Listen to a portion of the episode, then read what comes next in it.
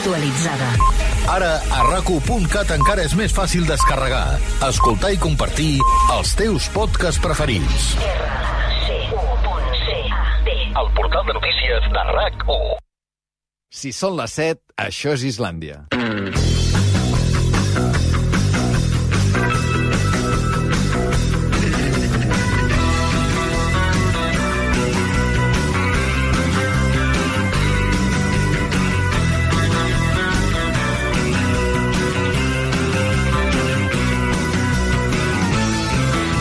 RAC1 Islàndia, amb Albert Ong.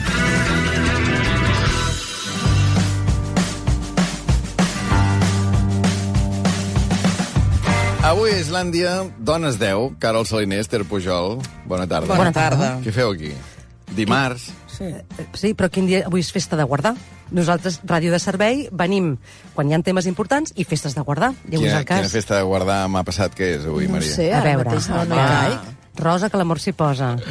Sant Valentí? Globus, Sant Valentí. cors, angelets amb fletxes. Dones 10 cap aquí. amb, quina, amb quina finalitat? doncs això, avui volem fer repàs dels 10 tipus de persones segons la relació que tinguin amb el Sant Valentí. Val. Inexistent, per exemple? Eh, hi ha També. un tipus que és També, també. inexistent? Ah, sí? sí, sí, sí, sí. Sí. És el vostre Esther Pujol, què? Què? Què? Què, què, què de què? T'ha anat bé? Bon balanç, de moment, de Sant Sí, Valentí? i tant, treballant tot el dia, sí, sí, molt, molt bon balanç. Molt bon balanç. Molt bon. A No. nivell de facturació de llibres, sabem si avui és un Avui- dia que... Clar, avui no... A mi m'agrada més l'altra festa d'enamorats, esclar, aquella sí que facturem, Ah, Avui és més la tagliatela. De la sopa de tagliatela. Així. Sopar que la avui- tagliatela, que avui. avui. eh, Potser és un fake, eh, el que he llegit, però es veu que és un dels dies de més facturació als, als restaurants eh, No tagliatela. només... Ah, als restaurants tagliatela. Sí, va, posa't guapa, que et portaré a sopar una pizza i obrirem un lambrusco i tot fa festa, home. Això que sí, eh? No és. D'aquí algú té cita avui a Tagliatela? No, no, no, no. No? No que Tagliatella sapigueu, perquè potser us esperen sorpreses. Ara, ara, ara. Eh? Que el dia no s'ha acabat, ara, nois. Ara. I a veure, i no hi som tots encara. Xavi Bosch, bona tarda. Què tal? Eh, cita a la Tagliatela avui? Soc més de Tallatella que de Sant Valentí, però avui no perquè hi ha el Messi contra el Bayern de Múnich per la tele a les 9. Home, L'altre tipus d'amor. Oh, Sí, un, un pla superromàntic, trobo. Però he de dir que els tallateles, poca conya, que estan molt bé, m'han salvat de moltes situacions. Jo que faig ruta literària per al país, sé on hi ha l'Ibèricus per berenar i on hi ha el tallatela per sopar a cada capital de comarca catalana. Mira, jo vaig, vaig dinar al Tagliatella el dissabte, que feia molt temps que no hi anava. I A què? quin d'ells? El de l'illa Diagonal. I bé.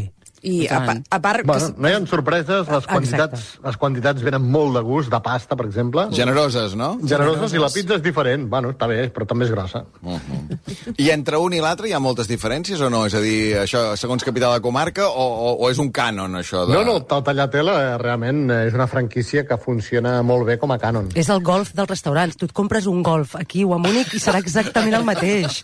I sempre anirà sobre segur i, to, i tot anirà bé. Mira, qui ens havia de dir que avui començaríem fent aquest, uh, aquest anunci de la Tagliatella. No, no pensava això.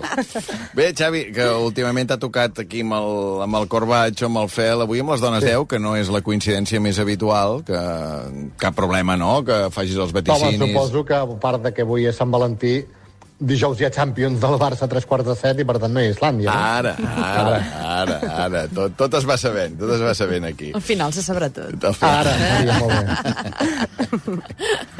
Com tira cap a casa, la Maria. O cap a casa seva, eh? Cap a casa de tots, cap a casa de tots. Bé, um, de seguida obrirem el sobre de vaticinis. Hem de saber, per exemple, en aquest sobre deu haver guanyadors de Premis Goya, no? Uh, N'hi ha dos, sí. Sí. N'hi ha dos, sí, sí. A sí. saber, a veure, hi ha Malcarràs, a veure, A veure si, què. si ho has encertat tal com ho van encertar els acadèmics, també. I dos préssecs del Carràs, Eh, jo exacte. et judici la Borràs... això surt. Això és el rap, eh, Sí. el rap que ens vas fer? Sí, Sí, me'l vaig aprendre a memòria. Bé, doncs avui un dimarts especial. Començarem amb Xavi Bosch, com sempre. Després les dones 10, amb aquests 10 tipus de catalans en funció de la relació que tenim amb Sant Valentí, Anna Ponsí, en fi, moltes més coses avui a Islàndia fins a dos quarts de nou, però com sempre, com tots els dimarts, comencem amb el m'ha agradat, no m'ha agradat. Borges us ofereix aquest espai. M'ha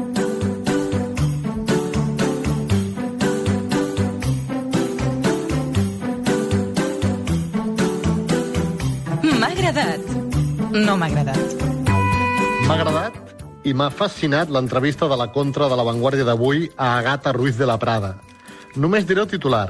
Vaig signar el divorci amb burca perquè així no havia de veure el Pedro J. I a partir d'aquí, tela, tela tot el que explica. Gairebé ni Shakira amb una cançó fa tant de mal com la gata Ruiz de la Prada amb ganes de venjança. No m'ha agradat gens saber com les gasta Marco Goecke, que és un prestigiós coreògraf alemany, que ha refregat caca de gos a la cara d'una crítica de ballet. És la crítica del Frankfurter Allgemeiner que va publicar que amb el seu últim espectacle et mories d'avorriment. Total, que el coreògraf, que és Premi Nacional de Dansa a Alemanya, es va ofendre i van a trobar la crítica la senyora Huster a l'entreacte de l'òpera de Hannover. Quan van ser cara a cara, davant de tothom, es van enganxar i ell es va treure una bossa amb caca del seu propi gos i li va refregar per la cara de la dona que porta 25 anys fent de crítica. Ho hauria fet igual si fos un home, el crític? Mm, no ho crec. Total, que la dona es va netejar la cara com va poder, el va denunciar per lesions corporals i per insults, i ell, de moment, l'han apartat de la direcció del ballet del teatre. Lluny de retractar-se, l'home diu que no li sap greu l'atac, admet que no va ser genial, i va dir que la crítica ella també li havia estat tirant merda amb ell durant anys. Però clar, això és un cas molt curiós de la diferència entre la literalitat i la metàfora. Conclusió, una bona tifa. M'ha agradat veure com està de bé l'esport d'elit a Espanya. Lliga Sobal, en vol. El Cuenca havia de jugar al Palau Laurana contra el Barça. Per estalviar-se nits d'hotel, van sortir amb autocar a les 3 de la matinada de Cuenca, van viatjar 7 hores fins a Barcelona, van arribar al Palau dues hores abans del partit i, és clar, van perdre 41 a 26. Segurament, si haguessin viatjat en avió, haguessin dormit a Barcelona en un bon hotel i un bon matalàs, també haurien perdut de 15 gols. Ara bé, xapó pels esportistes que per quatre rals ho donen tot per la seva feina i pel seu equip. No m'ha agradat, Albert, que Alcarràs no hagi guanyat ni un sol premi Goya. Però encara m'ha agradat menys, Albert, tots els debats que s'han generat sobre per què Alcarràs no ha guanyat cap Goya si havia guanyat l'Oslo de Berlín. Doncs no calen debats. La resposta és fàcil. La pel·lícula és en català, i ja està. A Alemanya això no ho veuen com un problema. A Espanya sí. Fins i tot els 2.000 progres de l'acadèmia que voten, la nostra llengua encara els neguiteja si l'han de premiar. No cal debatre més ni marejar tant la perdiu. Per què no ha guanyat el Sostre Groc el millor documental? Perquè és en català. Xim-pum. M'ha agradat que el món de l'esport no pari de sorprendre'ns. Possiblement, els dos millors de l'NBA d'aquesta temporada estaven sent Luka Doncic i Kyrie Irving. Doncic és l'estrella de Dallas Mavericks. Irving era el base de Brooklyn Nets. Fa una setmana, Irving va decidir fitxar per Dallas i tothom va dir ara sí que si juguen junts ho guanyaran tot, ho guanyaran tot. Total, que juguen el primer partit junts, Irving i Doncic, i perden contra Sacramento Kings. Segurament els falta acoplament encara i vaticino que Dallas acabarà guanyant l'anell de l'NBA. Vaticino ja avui. Però de moment, cura d'humilitat per Irving, per Doncic, per Dallas i sobretot pels comentaristes analistes. I finalment, no m'ha agradat que Manuel Marchena, el president de la Sala Segona del Tribunal Suprem, s'hagi passat per l'engonal el nou Codi Penal a l'hora de revisar la condemna als líders del procés. Però encara m'ha agradat menys que algú s'hagi sorprès que Marchena no apliqui la nova llei perquè li agrada més la d'abans. Estem tips de sentir que les lleis s'han d'acatar, agradin o no agradin. Però abans els haurien de dir els jutges que els primers que han d'aplicar les lleis, els agradin o no, són ells. Dit això, bravo, xapó també pel PSOE, Podemos i pel suport d'Esquerra que fan lleis en pròpia porta. Amb la del sí a sí ha resultat que hem anat a pitjor, un èxit. Amb el nou Codi Penal, igual, un segon èxit. Potser que s'hi mirin una mica més. O, si no, que admetin finalment d'una vegada per totes que el franquisme recalcitrant continua impregnat a les cortines i a les togues del poder judicial espanyol.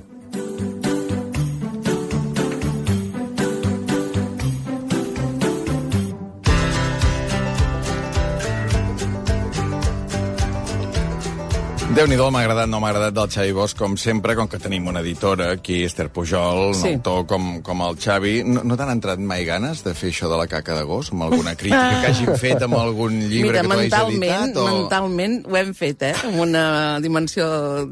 amb un metavers ho hem Mm. fet. Sí, sí, home, vindria de gust. El que passa que, és clar és la seva funció, no? Que se t'acudi això? és d'una malaltia mental important, eh, per això. No? Pensar, ara faré cagar el gos, agafaré la caca, la portaré fins allà i refregaré per la cara. Home, és a dir, en quin moment no atures Exacte, tot aquest, tot exacte. aquest procés? Exacte. En quin moment no tens un punt de lucidesa de dir, escolta, siguem educats, som al segle XXI, li diré quatre de fresques, però, hòstia, fotre-li merda de gos a la cara, de merda de gos o del que sigui, no? Sí, sí, és que, que t'hagi passat pel cap, segur que això i altres coses pitjors, però que el que deies, Xavi, no? que no hi hagi en cap moment No, que diguis... que no és, "Mira, no és un cop calent, que te la fotem-ho". trobes i li Sí, fots sí. un cop de puny. sinó Hi ha molta premeditació i, a més a més, hi ha aquesta assimilació de molta merda. Vols molta merda al Doncs teatre? apa. Doncs Ja aquí la tens. A més, eh, influeix molt amb les vendes o és una cosa que afecta més, diguem, a l'ego de l'autor, de l'editor... O creus que un, Ai, una... Ens estan escoltant ara els crítics de català. Escolta, les bones crítiques, si n'hi ha moltes i són bones, eh, fan una tendència que ajuda molt al llibre. Si no, mm, moltes vegades el lector comú, quan les vendes eh, van, quan el llibre va a un lector molt comú, normalment no veu els suplements literaris on surten les crítiques i a vegades no, no es correspon. Però sí que afecta molt al- a l'autor i a l'editor. Mhm. Sí, sí, Per la meva experiència, afecta, clar que sí, però finalment la prescripció dels llibreters, el boca-orella de la gent, ara les noves xarxes socials, Twitter, etc etc etc, la taca d'oli que són les xarxes socials, influeixen molt més a l'hora de vendre o de deixar vendre un llibre que no pas, que no pas una molt bona crítica, que t'ajuda molt, una mala crítica que tampoc t'ensorra tant. Sí, sí, segurament el, el, el pes dels crítics, com de tants altres periodistes i prescriptors, diguem, ha quedat matisat, no?, ara que hi ha moltes més veus que, que parlen de les coses, dintre no? d'un sector Sí. més, uh, més, uh, com- més petit, més reduït, que, home, tenen, uh, fan molta il·lusió quan són bones. És veritat, això fa molta il·lusió. I quan uh, són constructives, per bé que a vegades assenyalen coses que no estan bé, també ajuden molt. El que passa que no sé què li havia dit, eh, aquest senyor, el, el, que li va, el que va rebre la tifa, no? Diguem, a vegades ofenen tant que poden deixar algú molt tocat durant molt de temps, que això també ho hem vist. Mm. Però depèn de la pell fina de qui ho rep, també, perquè al final els futbolistes que llegeixen del diari els dilluns, la nota que li posen, saps? Si m'ha posat un 4, el cabron sí. de Mundo Deportivo, el de La Vanguardia, el de l'Esport, el del Marca, el de l'As, aquell dia, escolta, ho passen fatal i, i, i a vegades ho fan notar, saps? Mm. Sí, sí.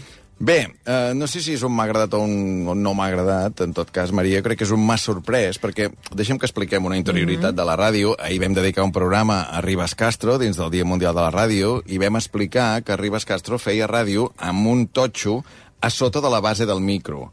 Ell creia que era una manera... Bueno, també és veritat que li servia de cendrer, eh? Hi ha fotos que... Això és un extra, diguem, això és un extra. Donen com a testimoni, diguem, de que hi havia tots els cigarros apagats allà a sobre. Però que li servia perquè no li fessin tan mal les cervicals, que no hagués de baixar tant tot el, tot el cos, no sé. Bé, doncs això es va explicar ahir, Vam demanar tutxanes per tothom, perquè realment sí que semblava que amb el micro més elevat la cosa podia funcionar millor, i avui què? A- Avui jo no sé si, eh, Carol, Esther, vosaltres ho heu Sí. notat, però no hi ha cap totxo a sota de, de la base del micro, però el peu del micro s'ha aixecat 12 centímetres, diguem. Totalment, Ho perquè veus o jo no? el primer que faig quan m'assec aquí és pujar fins al límit que puc la cadira i posar en posició totalment vertical el micro, per estar amb les esquenes més...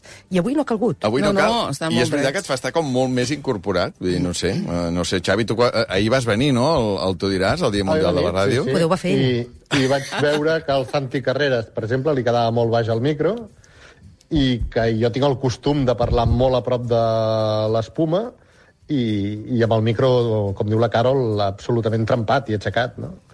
Doncs- Bueno, això va, m'agrada tenir-lo molt a prop de, de la boca i el Santi Carreras, per exemple, vaig veure que ho tenia molt lluny i li quedava molt avall. Mm. I és veritat que els micros de rac queden avall. Doncs escolta'm, Ja no. 12, 12 centímetres més amunt, em diuen que el canvi s'ha fet avui al migdia, eh? diguem, en horari de, de la competència, o sigui que... És per, Sant- per, per, per, la, per l'efemèride de Sant Valentí, que celebrem... Una certa erecció microfònica. Una erecció de 12 centímetres, concretament, eh? Jo, sí, Però com ho saps que són 12 centímetres? Uh, mira, bueno, ho té molt per la mà. Per la mà... Això ell... Bueno. Va, vaticinis.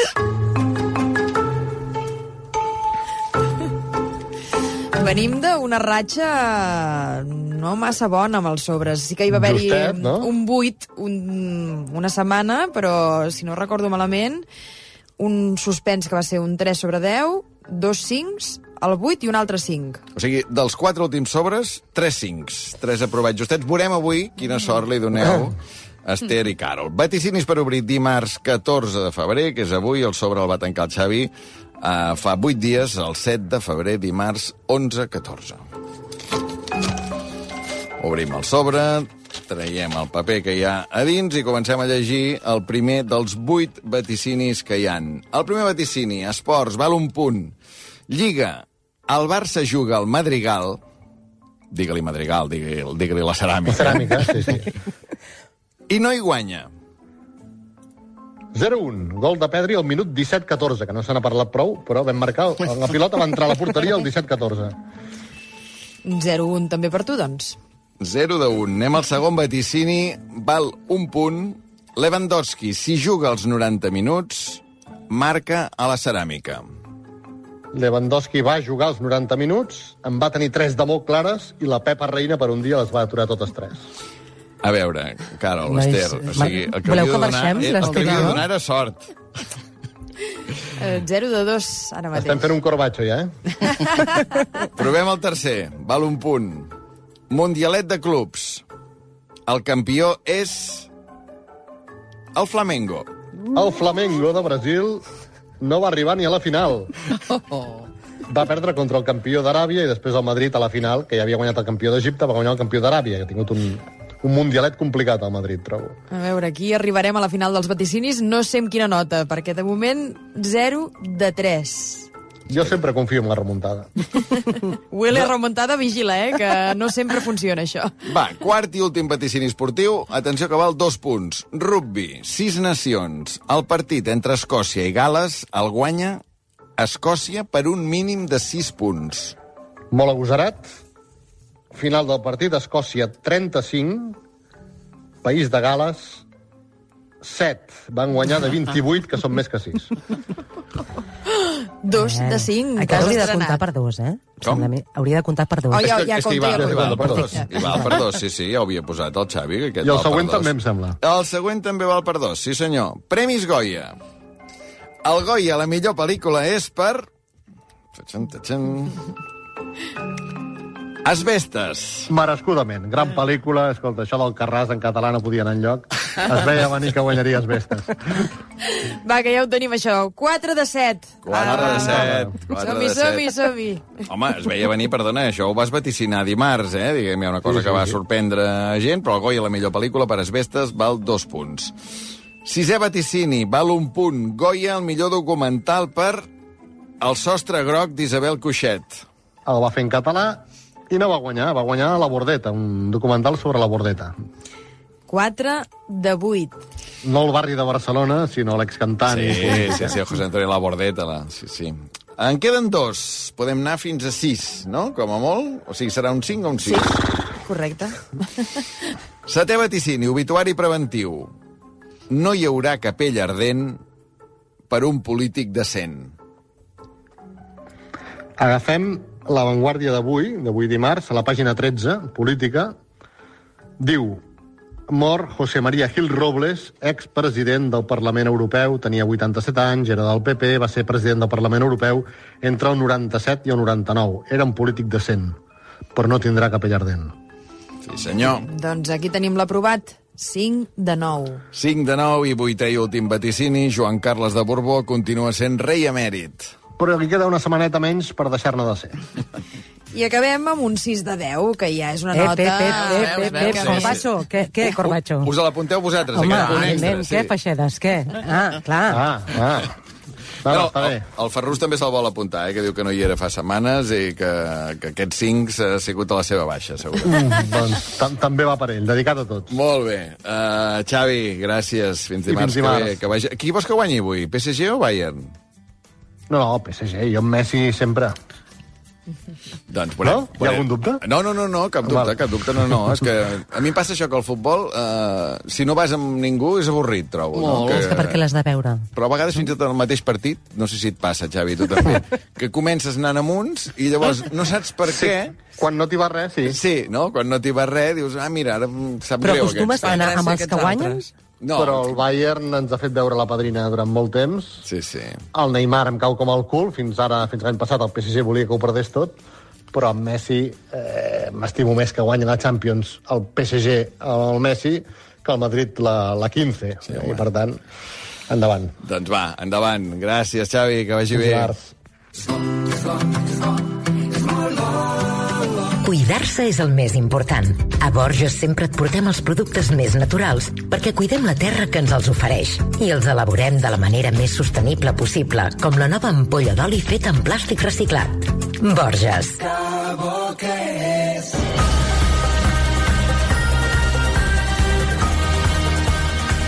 Setmana moguda aquesta i Dia Mundial de la Ràdio, amb aquesta ràdio cap per avall tot el dia a rac però és que demà tornem a sortir de l'estudi eh, l'estudi 1 de rac i ho farem amb una nova parada de la ruta islandesa. Aquesta vegada serà a Lloret, al Teatre de Lloret.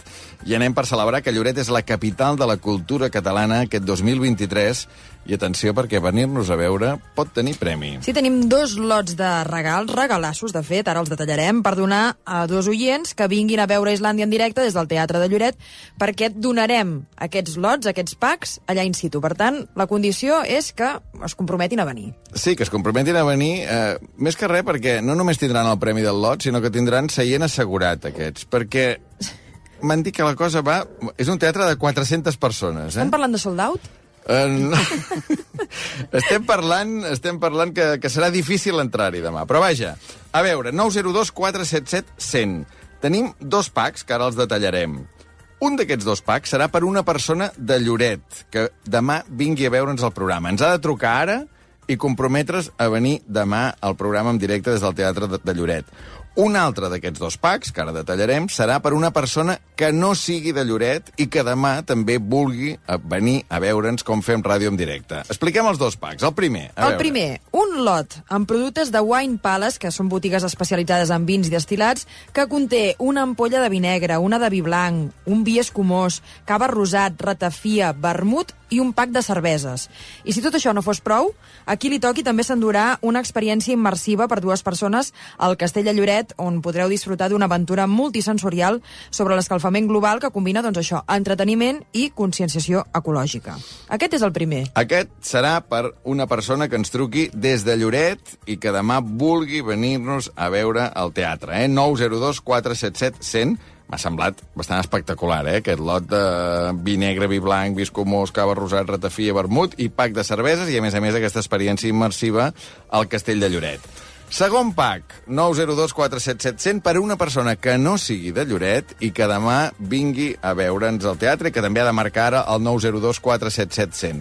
Aquest pack també inclou la mateixa visita immersiva Sí, al al Castell de Lloret. però en comptes del lot de vins Hi ha un àpat per dues persones en un dels restaurants cònic que podran escollir eh, on volen anar, perquè, perquè tenen establiments a Girona, a Sala, Platja d'Aro, a Vic, Figueres, Blanes i Barcelona. Per tant, podran triar. Escolta'm, a mi em queda més a prop Barcelona, doncs Barcelona. Que vull anar a passar uns dies a Platja d'Aro, doncs que el cònic presento llibre a Figueres, doncs ja saps que hi ha un Cap cònic allà, allà, ara, no? cap allà. Per Res. tant, aquest, aquests són els packs. Res de tagliatela. El cònic. El cònic. 902 477 100. Què trobareu allà? Doncs demà una hora i mitja de ràdio en directe, amb moltíssima gent de Lloret, parlant de la capital de la cultura catalana, i també amb convidats que, parle, que portem nosaltres. Per exemple, dèiem que vindria a fer el Feixedes. Sí, no vindrà sol. Però no vindrà sol, vindrà amb una parella que ja la coneixeu. Si són les 7, això és Finlàndia. Què collons és Finlàndia? Què collons és Finlàndia, Albert, a les 7? Sí. I això, que- això que el tio tenia un equipet, que jo quan va començar, té Oi, la no. noia aquesta, la... La Maria Xixa. La... La Xinxó. Sí, bueno, és igual. La, la Xinxó. Que dius, bueno, aquesta... I, i també l'escoltes. Riu, riu, que riu. Clar, divendres- comença allò, endevina, endevina qui és la veu, endevina la tu, no? Endevina Jo, tu, Endevina- Quantes senyals de trànsit hi ha a Catalunya? Escolta, jo tinc feina, noia. Jo, tinc, jo no puc estar tot el dia comptant Xifra senyals per Xinxó. cada. Xifra Xinxó. Prepara't el programa i espavila i deixa estar la gent en pau. Ah, la, la, Espero que em tractin una mica millor demà. La Maria Xixa. Això era l'Udegas. Això era Pel l'Udegas? programa 500. Sí, senyor. És que encara me'n recordo. Sí, sí, sí, sí. Sí, senyor, el programa 500 que el vam fer en directe des de l'Udegas. De fet, demà serà el programa número 40 que fem fora de l'estudi, o sigui, el bolo número 40 que fem amb aquestes set temporades d'Islàndia, sobretot els últims anys amb aquesta ruta islandesa. Doncs bé, demà, Fel Feixedes, Carla Xuriguera, també vindrà la Cristina Puig, que la Cristina Puig... Programàs, eh, demà. A programats, Cristina Puig, tota la vida passant els estius a Lloret, diu que totes les primeres coses li han passat allà. Mm. Alguna cosa m'ha explicat a mi, eh? Del que li ha passat per allà. Mm. A veure, a veure què s'atreveix a explicar demà. Però és una persona que es podran dir moltes coses de la Cris, però sempre ha defensat Sí. Lloret. Sempre, sí, eh? Sí, sí. I quan ho tenia tot en contra, també, Exacte. els que li parlàvem de l'Empordà i tot plegat, Sí, no, no. ella es mantenia Lloret. ferma a Lloret. Lloret, Lloret, sí senyor. I la música de De La Fe i les Flores Azules. La canción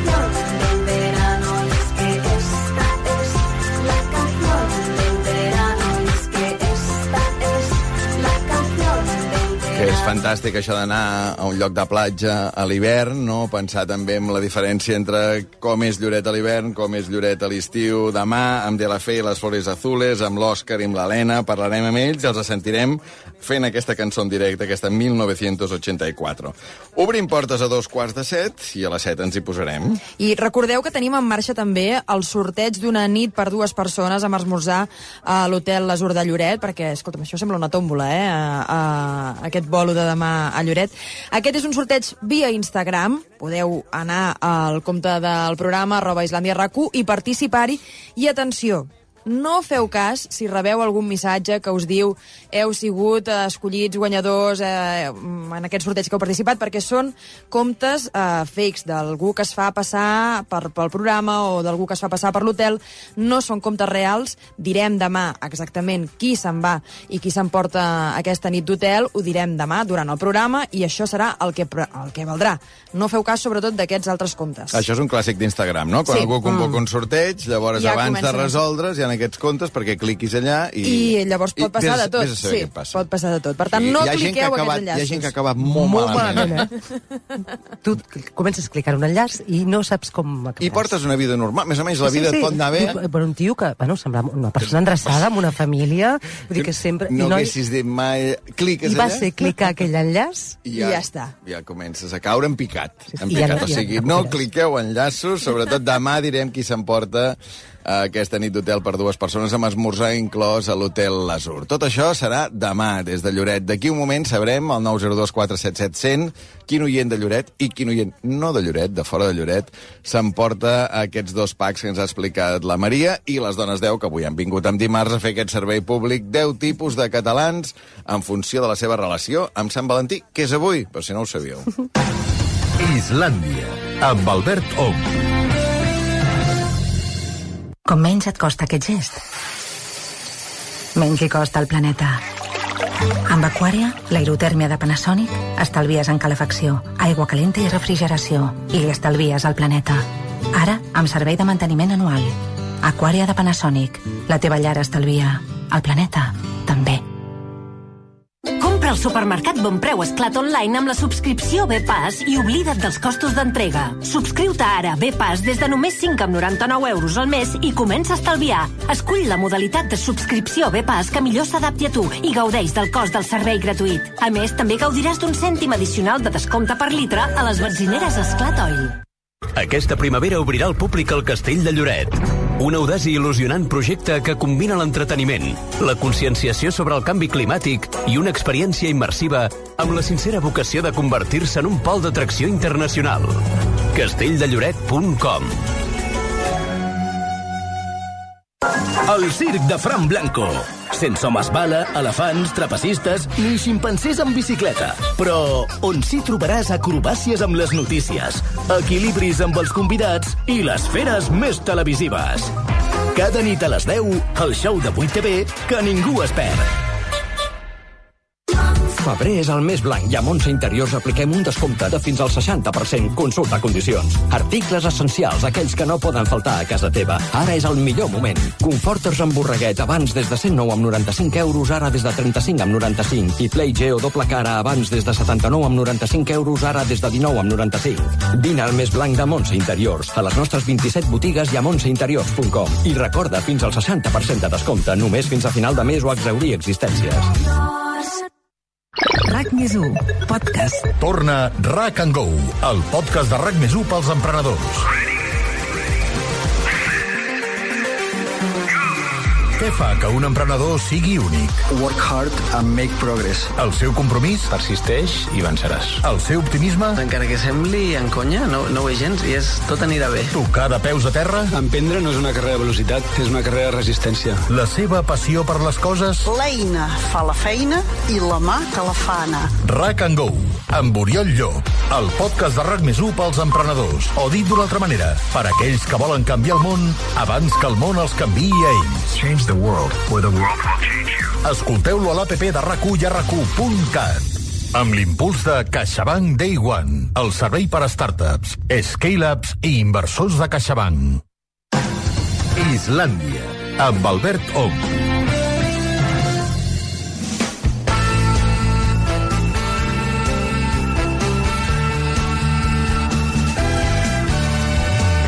Heu sentit els senyals horaris de dos quarts de vuit. Carol Saliner i l'Ester Pujol ja les tenim a punt aquí a l'estudi de rac per explicar-nos quins són, descriure'ns, destripar, diria jo, escorxar No, no els 10 tipus de catalans segons la seva relació amb Sant Valentí. Número 10, el català res a celebrar que és el català negacionista, el que avui està Catrina. Ja en tenim un nosaltres de Dia dels Enamorats, que és Sant Jordi, carai, que avui no hi ha res a celebrar. I pobre que vegi un ram de flors pel carrer avui, pobre que la dona se li acosti a fer-li un petonet a la galta, perquè a més a més està, està enfadat, enganxat al Twitter i ho barreja tot. I llavors comença a cridar, nyordos, erquis, TV3 censura, ni un paper terra, ni borràs, presidenta, no, no tenim rei, jugar de mestre, ens volen dividits, no els donem la foto de Sant Valentí que volen.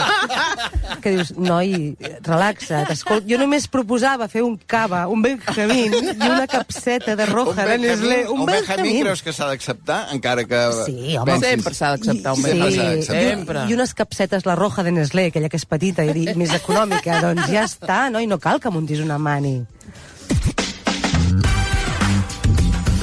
Amb el número 9 tenim el que era el 10, però que ara ho celebra tot per poder-ho penjar a les xarxes. Mira, jo passava, però és tan mono, queden tan monos les fotos, és com amb Halloween, que tampoc li agradava, però també queden monos, que no li feia ni fu ni fa. Però, mira... Ha anat cedint, aquest. Ha anat cedint, perquè una foto amb un cor, amb un ram, amb els noms escrits a la sorra, eh, que llavors ve l'aigua i se l'emporta.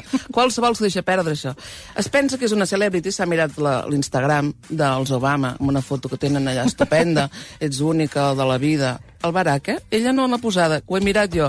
Barack ha posat foto de Sant Valentines. eh, I Michelle no. I Michelle no la tenia posada. Que ha posat, no sé si ens han de dir alguna que, cosa. encara no s'ha acabat. Sí, Sí, la Valentí, allà, va, allà, van, horària, allà però- van... Sí, poder ja... Home, però ells ja li dos deuen estar en el mateix fus horari. Sí.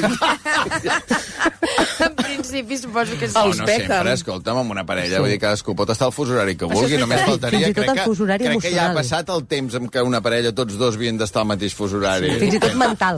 O, o emocional, saps? Potser un està GMT més 6. Saps? Molt important, molt important que hi posin uh, hashtags. Ah, Happy ah. Valentine's Day, You and Me, Mhm. Love is in the air, saps? Posen, si no hi ha mm, uh, flors i això, es posen, poden posar una foto fent un posat fent uns cors amb les mans, saps? Amb la, Sí, amb això les que fan els jugadors de futbol. Exacte, diguem, el no? cor, no, tot, tot això queda bé. O el Benidorm Fest també ho fan molt, això. Ojo, jo només vull... És veritat, el Benidorm Sí, sí, Fest. no, també. perquè- I de fet ha... Perquè el logo és hi ha- un cor.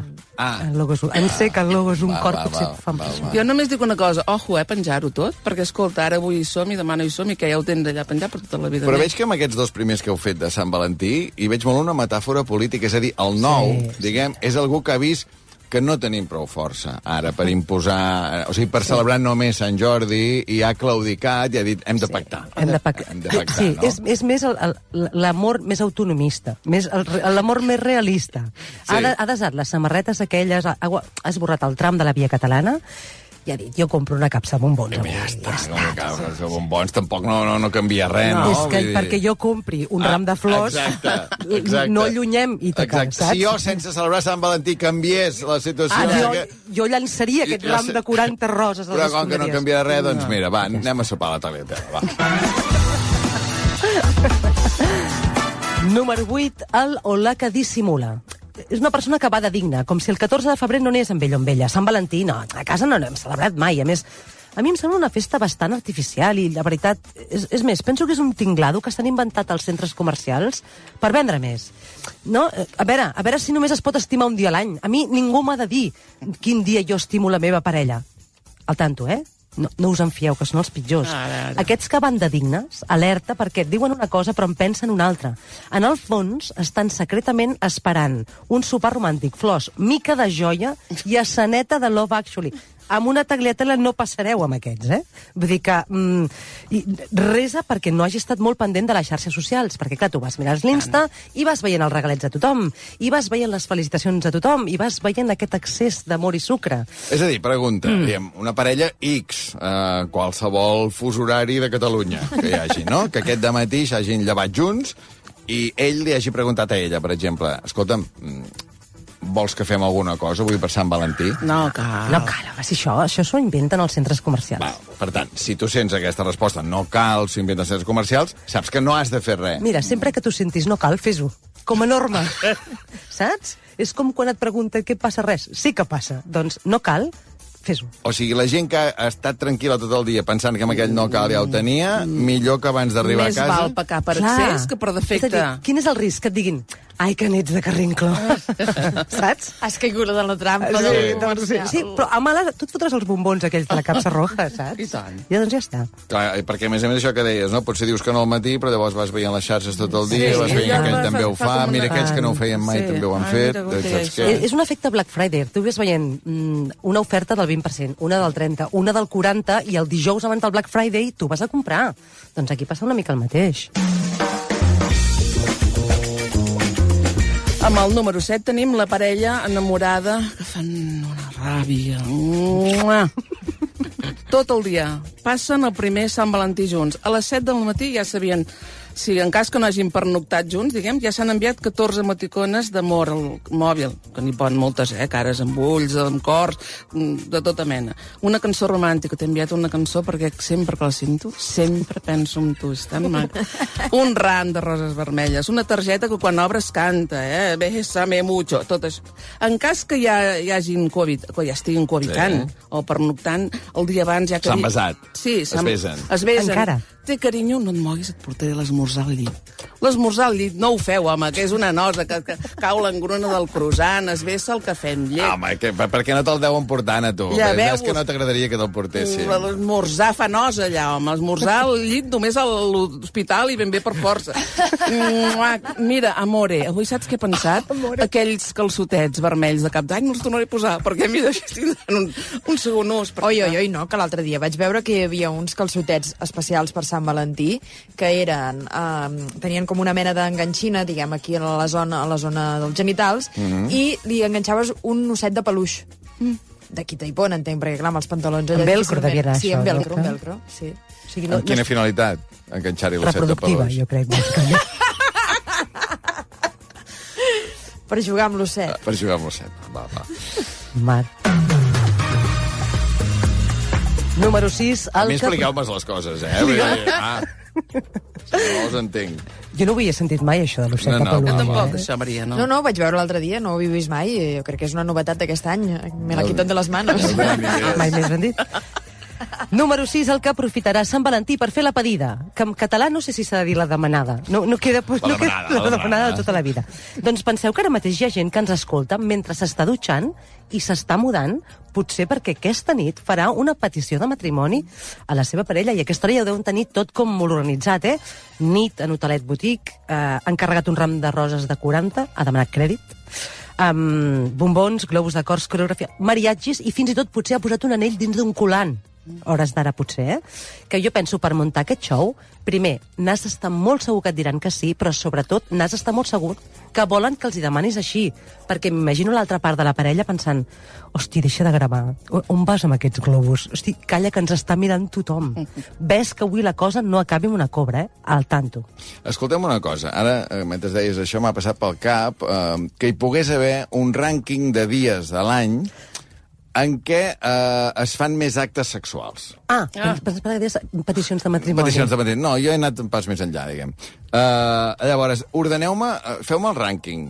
Els tres dies de l'any en què al món hi ha més actes sexuals. Hi ha una, clar, hi ha, Això així és ara, així mateix? Ara, Ara, ara, ara, no, no, doncs ara, mira, clar, no, el, vull dir- el, el, partit de futbol, el Barça, allò... Però clar, bueno, però no, no, dia a l'any. Ah, o sigui, vale, un dia. Que, que tu ja sàpigues que, que és... Que aquell dia tocarà sí o sí. Sí, perquè dius, bueno, Sant Valentí... No, home, Clar, a, Cat a Catalunya no, però jo crec que Sant Valentí Sant al món eh, deu ser propens. segur cap d'any. món. Sí, Sant Jo Valentí. crec que també... Però Sant Joan no sé si se, se celebra tant... No sé si el 4 de juliol als Estats Units o alguna gran El que és festa. de la d'aquestes poguéssim tenir a. Catalunya, per exemple, Sant Valentí Sant Jordi, la gran batalla, la final. El diguem. clàssic de les festes. El gran El empuntre. derbi. Sant Valentí Sant Jordi. Uh, més sexe per Sant Valentí o per Sant Jo Jordi? diria Sant Valentí, segur. Sí? Sí, perquè, Perquè Sant Jordi de s'ha de llegir al vespre. No, no, clar, no, s'ha caminat molt. Sí, Vas acabes- acabes cansat, esgotat, carregant... Uh, Sí, Sant ser. Valentí vas més... sí, de la tagliatela ja directe Fa taxi cap a casa. fa fred. És fred. I cap d'any.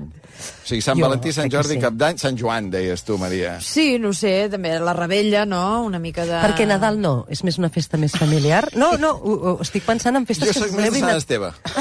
amb el canaló. No, No, perquè ja, ja estàs molt tip. Va, A més, s'ha d'anar al cine la tarda de Sant Esteve. No pots estar per depèn de quines coses. Bueno, que haurem de Això mirar, no- aquest això rànquing. s'ha d'anar- d'anar Això, pensant. Aquest rànquing s'ha de millorar, Mira, però vaja. saps com ho podrem saber? Potser, eh?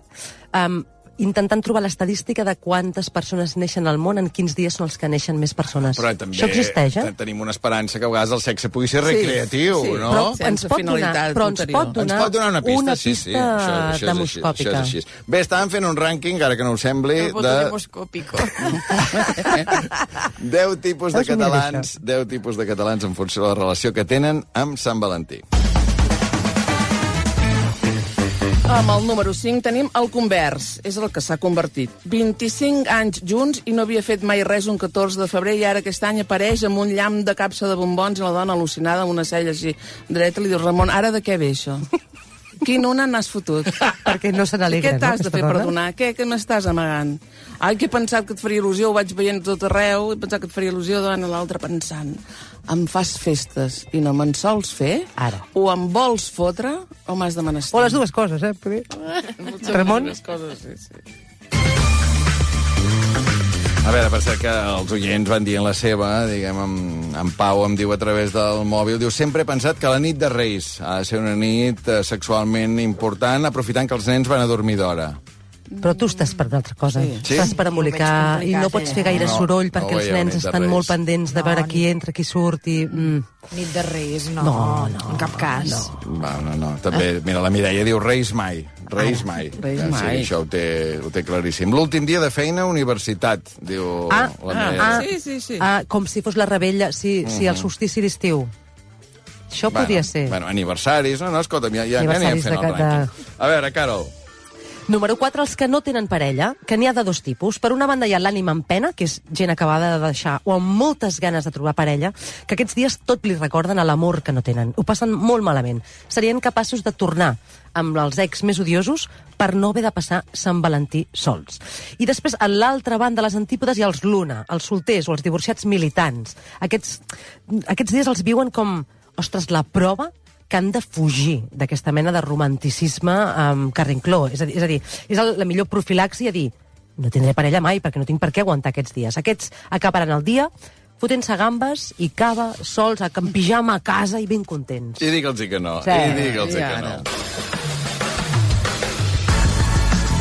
Amb el Està creant, perdoneu, eh, molta Sí, sí. polèmica la Digues, proposta d'en Pau de la nit de Reis, eh? Sí? O sigui, que està boig la nit de Reis. A mi m'ha semblat para. un sacrilegi, Sí, eh? sí, vull dir, vaja, aquí tinc l'Anna Guitar molt indignada que la nit de Donar més Reis... dades del Pau. De, de la nit de Reis... No és el que tu penses. No, no, ja... Va, a veure, quin, què passem? El número El 3, número ara, 3. no? Amb el número 3 tenim el Sant Valentí familiar. Nosaltres és que ho celebrem tots junts a casa, eh? Ho compartim amb els nens. Són com una tribu celebradora, que toca Nadal, Nadal, calçotada, calçotada. El que sigui, ara és Sant Valentí, doncs celebrem l'amor en família i així parlem dels sentiments amb els nens. No En és com- d'aquest tipus d'amor, nois. Eh, en comptes d'un sopar romàntic, fan un berenar amb galetes en forma de cor, ens posarem roba de color blanc i vermell per també poder-nos fer unes fotos, ens intercanviarem unes targetes els uns als altres i ens direm motius per estimar-nos a casa, ens pintarem uns cors a les galtes, total, som a la setmana del Carnaval, ja no ve d'aquí, no? Decorarem amb globus. Tot distreu. Tot distreu. Eh, papa? Eh, papa? Eh que sí, que maco serem tots Perquè es aquí. diuen papa i mama, aquestes parelles, Es diuen no? papa i mama, I els regals no se'l fan l'un a l'altre, sinó que fan servir els nens com a emissaris. Feu-li un dibuix al papa Sí. i li direm com l'estimem, no? Número 2, el Olà que dubta, que ja fa dies que hi rumia i tot avui qui pensa, i hores d'ara encara no sap què fer.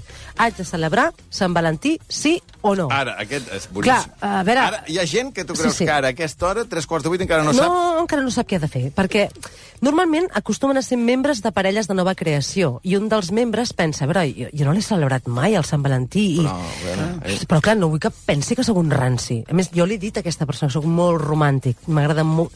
Però clar, si li vaig amb un, si li vaig amb un ram de flors, poder se m'espantarà. I és precipitat, Però perquè no, no, fa tant. dir, cara. Tu, hi ha algú que diu, jo, soc, jo és que sóc molt has Pa... Home, i tant, Sí? home, i tant. Sí, a mi no m'agrada... Em fa vergonya. Sóc molt tímid, però és que jo soc... tinc una ànima molt romàntica, Mhm. saps?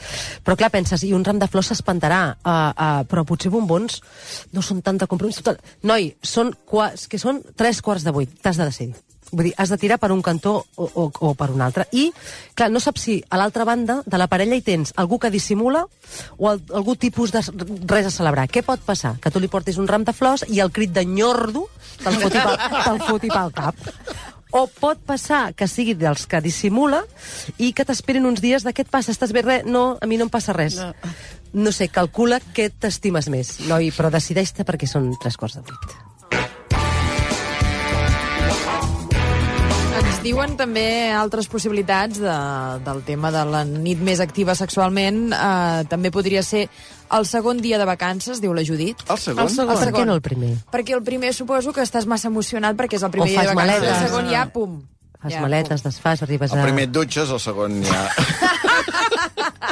Sí, perquè si ho fas al revés és més complicat. I el Xavi eh, pensa que un bon moment són quan els nens tenen colònies. Ah, aquelles Però clar, quinzenes de juliol. Això és bastant més variat. Clar, però això és més variat, és com els Sí. aniversaris, no? Però és per establir això, el rànquing sí. absolut, clar, la cosa sí que aniria, més enllà de la proposta de nit de Reis, sembla que estaria Sant Valentí, Sant Cap Jordi. Sant Joan, Cap, Cap d'any, d'any, no? sí, Serien sí. aquests... Inici de vacances, estiu... Aquests sí. quatre, entre aquests quatre serien les semifinals. Va, número 1 de la llista del rànquing del top 10 de catalans segons la seva relació amb, amb Sant Valentí. Doncs tots els que hi faran negoci, els pastissers que cada diada tenen un pastís, el que sigui, a vegades és el mateix trotell que va canviant de, que va canviant de, de, De topping. De topping. Uh, les floristeries, que avui aniran despatxant i trauran més d'un, de, de més d'un apuro a un Sant Valentí despistat, les perfumeries, que sempre queden bé un perfum, i hem tornat a veure anuncis a la tele, els restauradors, que avui tindran ple de gent, ple de gent a sopar i que estan posant Alcònic, alcònic. una espalmeta a cada taula, les perruqueries, que si hem de sortir bé que ens hem de fer una mica de goig, no? Ves que no sigui això, Sant Valentí, no?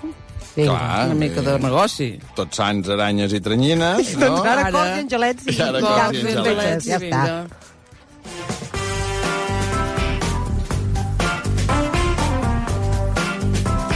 Però a veure, conyes i a part, com totes aquestes festes, diguem que, per exemple, el Dia de la Mare eh, estava absolutament extingit fins que han arribat les xarxes, no? I, i, I ara, pobra de tu, que no felicitis molt fort a la teva I mare. que no i pengis foto, una foto a la teva mare de jove, la teva mare d'ara, de, jove, de no sé estar. què, no? I amb Sant Valentí... Sí, sí, eh, està passant el mateix. Està passant una mica el mateix.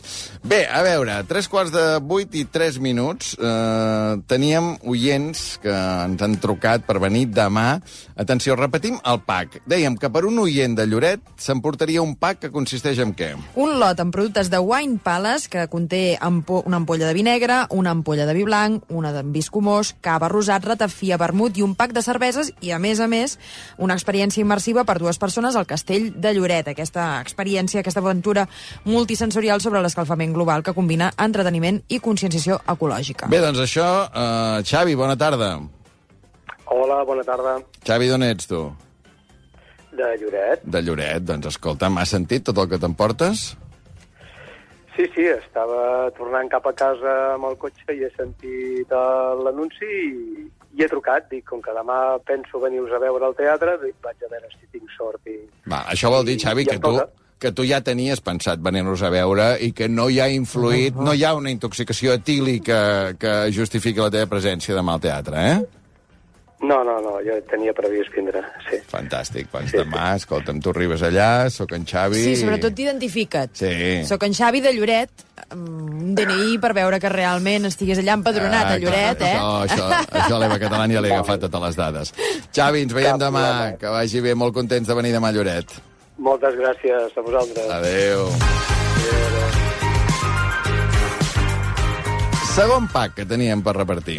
També inclou aquesta visita immersiva al Castell de Lloret i un àpat per dues persones en un dels restaurants cònic que podran escollir doncs, a- allà on volen anar, perquè tenen molts establiments. A veure, Martí, uh, bona tarda.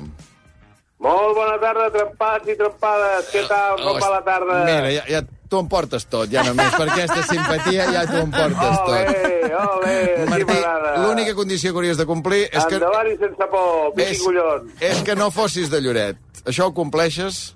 I tant, no sóc de Lloret. D'on ets? Soc de Breda. De Breda, perfecte. Perfecte. No ho tens gaire lluny, eh, des de Breda? No, no, no, acostumo a anar molt a Blanes, a banyar-me a la platxeta, doncs pues mira, és un cop de pedra, Oh, com tant, que diu. doncs. A l'hivern ja també- teníem pensat vindre a veure't, eh, però... Ah, ja venies igualment, eh? Perfecte. Sí, perquè volíem celebrar una mica, allò sempre amb l'excusa de poder tocar el culet a la dona, doncs demà celebraríem Sant, el Sant aquest.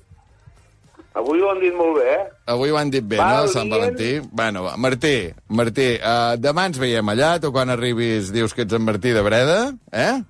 D'acord. I uh, podràs anar a sopar al Cònic, és, i al Castell, oi? Exacte. Podràs escollir el restaurant del Cònic o a Girona, o a Sal, a Platja d'Aro, Vic, Figueres, Blanes o Barcelona. Perfecte, Martí, que vagi bé. Al restaurant i què més? I el, la visita al Castell de Lloret. Demà ja t'ho donarem per escrit, tot mecanografiat, no pateixis. D'acord, doncs, moltes gràcies. Adéu, Vinga, vagi bé. tapat, que vagi bé. Mare de Déu. Mare de Déu. No pas sentit res, no, vosaltres? No, no, això no, de què ens parles? Ai, uh, que bé que heu vingut avui, Esther, Carol. Ens heu, Ah, sí. ens heu alegrat el dia, com doncs ja hem sempre. celebrat Sant Valentí, no? Ja, ja, ja. I No demà ens heu pas portat bombons ni res. I tant, Res. i flors i tot. hi haurà una persona molt trista, que és la noia que em va entrevistar a Ràdio Lloret, Sí, que va dir greu. que la seva secció preferida eren les dones 10. I que ens sap que greu no estem anar-la a veure. eh, que ens ho digués, I que demà no hi sereu. I demà no hi Però sereu. ella ens pot venir a veure sempre que vulgui. Oh, i tant, sempre que vulgui. Mira, Està aquí, convidada. Aquí tot, eh, tot convidat. Uh, que vagi bé, que veu bé el dia, uh, feu cas a tot el que heu dit. I... Doncs sí, hem de fer cas a tot el que heu dit. Jo no sé amb qui ni com sopar avui. Compliu amb les vostres respectives parelles i que acabeu molt bé el dia de Sant Valentí. Ara tornem. RAC 1 Moure'ns. Quan hem deixat de fer-ho? La tecnologia serveix per no parar mai de trobar nous camins. Descobreix com de lluny et pot portar aprofitant que tornen els 10 dies Kia del 9 al 20 de febrer. Visita'ns a la xarxa Kia de la província de Barcelona. Kia. Movement that inspires. La Fundació Òpera Catalunya presenta Madama Butterfly, l'òpera més colpidora i emotiva de Puccini, amb Tina Gorina, Enrique Ferrer, Manel Esteve i Anna Tovella en els papers principals, amb l'Orquestra Simfònica del Vallès i el Cor d'Amics de l'Òpera de Sabadell. Del 15 al 19 de febrer a la Faràndula de Sabadell. Entrades a operacatalunya.cat. ¿Sí? Hey Jordi, hace días que no sales de galerías. ¿Vamos a tomar un café? Uf, no sé. Me pillas en plena segunda rebajas y voy a tope. Probar sofás es muy duro, ¿sabes? Segundas rebajas en galerías del Tresillo de hasta un 55% de descuento. Te mereces este sofá, este colchón, este hogar. Galerías del Tresillo. Si tens un principi de vista cansada o cataractes, a l'Institut Oftalmològic Tres Torres et donem la solució amb l'última tecnologia, el làser Catalis. Ràpid, segur i còmode. No t'ho pensis més. Vine i demana la primera visita informativa. Truca al 900 842 848 o entra a iott.net. Benvinguts a Hollywood! Aquí els somnis es fan realitat. Així que segueixin somiant. Últimes funcions del musical que ha arrasat a Barcelona. Pretty Woman, amb música de Brian Adams i Jim Balance. Torna a viure aquesta irresistible comèdia romàntica al Teatre Apolo. Entrades a la venda a teatreapolo.com i a prettywomanalmusical.com. El Pèndol. Reparació de rellotges de totes les marques. Rolex, Patek Philippe, Cartier, Omega, Tag Heuer i en 24 hores. El Pèndol. Des de 1983. Ara a Balmes 228. Estàs pensant en decorar el teu pis? Necessites cortines noves, tapissar el sofà, canviar les catifes o trobar un paper ben especial? Vine a la Mallorquina i descobreix la secció de cortines i decoració. T'ajudarem en el teu projecte fet a mida i personalitzat. Ja ho saps. Cortines la Mallorquina, a la Diagonal 506 de Barcelona i a plaça Universitat. Els peus són imprescindibles per a la nostra salut i es mereixen que els tractem amb molta cura. El Col·legi de Podòlegs reuneix a més de 1.500 professionals especialitzats en les diferents branques de la podologia que tenen al seu abast un ampli ventall de tractaments i eines de diagnòstic. Som podòlegs. Tenim cura dels teus peus. Purs, eterns, transparents. Els diamants són la pedra més preciosa i a Criso els valorem més que ningú. Per això, si estàs pensant en vendre els teus diamants, visita Criso. Comprem diamants de qualsevol mida, forma, sols o amb joia. Criso, a carrer València 256. El millor amic del diamant és Criso.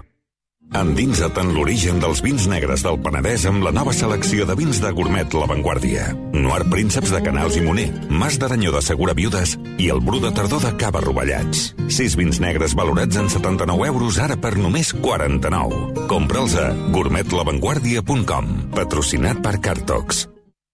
RAC més 1. Podcast.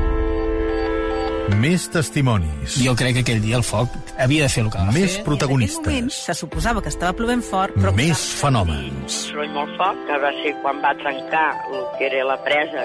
A Oxigen, aquesta nova temporada analitzem situacions meteorològiques que hem viscut per descobrir què va passar i si es podrien haver evitat. És evident que avui els focs són molt més violents que fa 15 anys. Aquest podcast és possible gràcies a Natus. RAC 1. Tots som Més 1.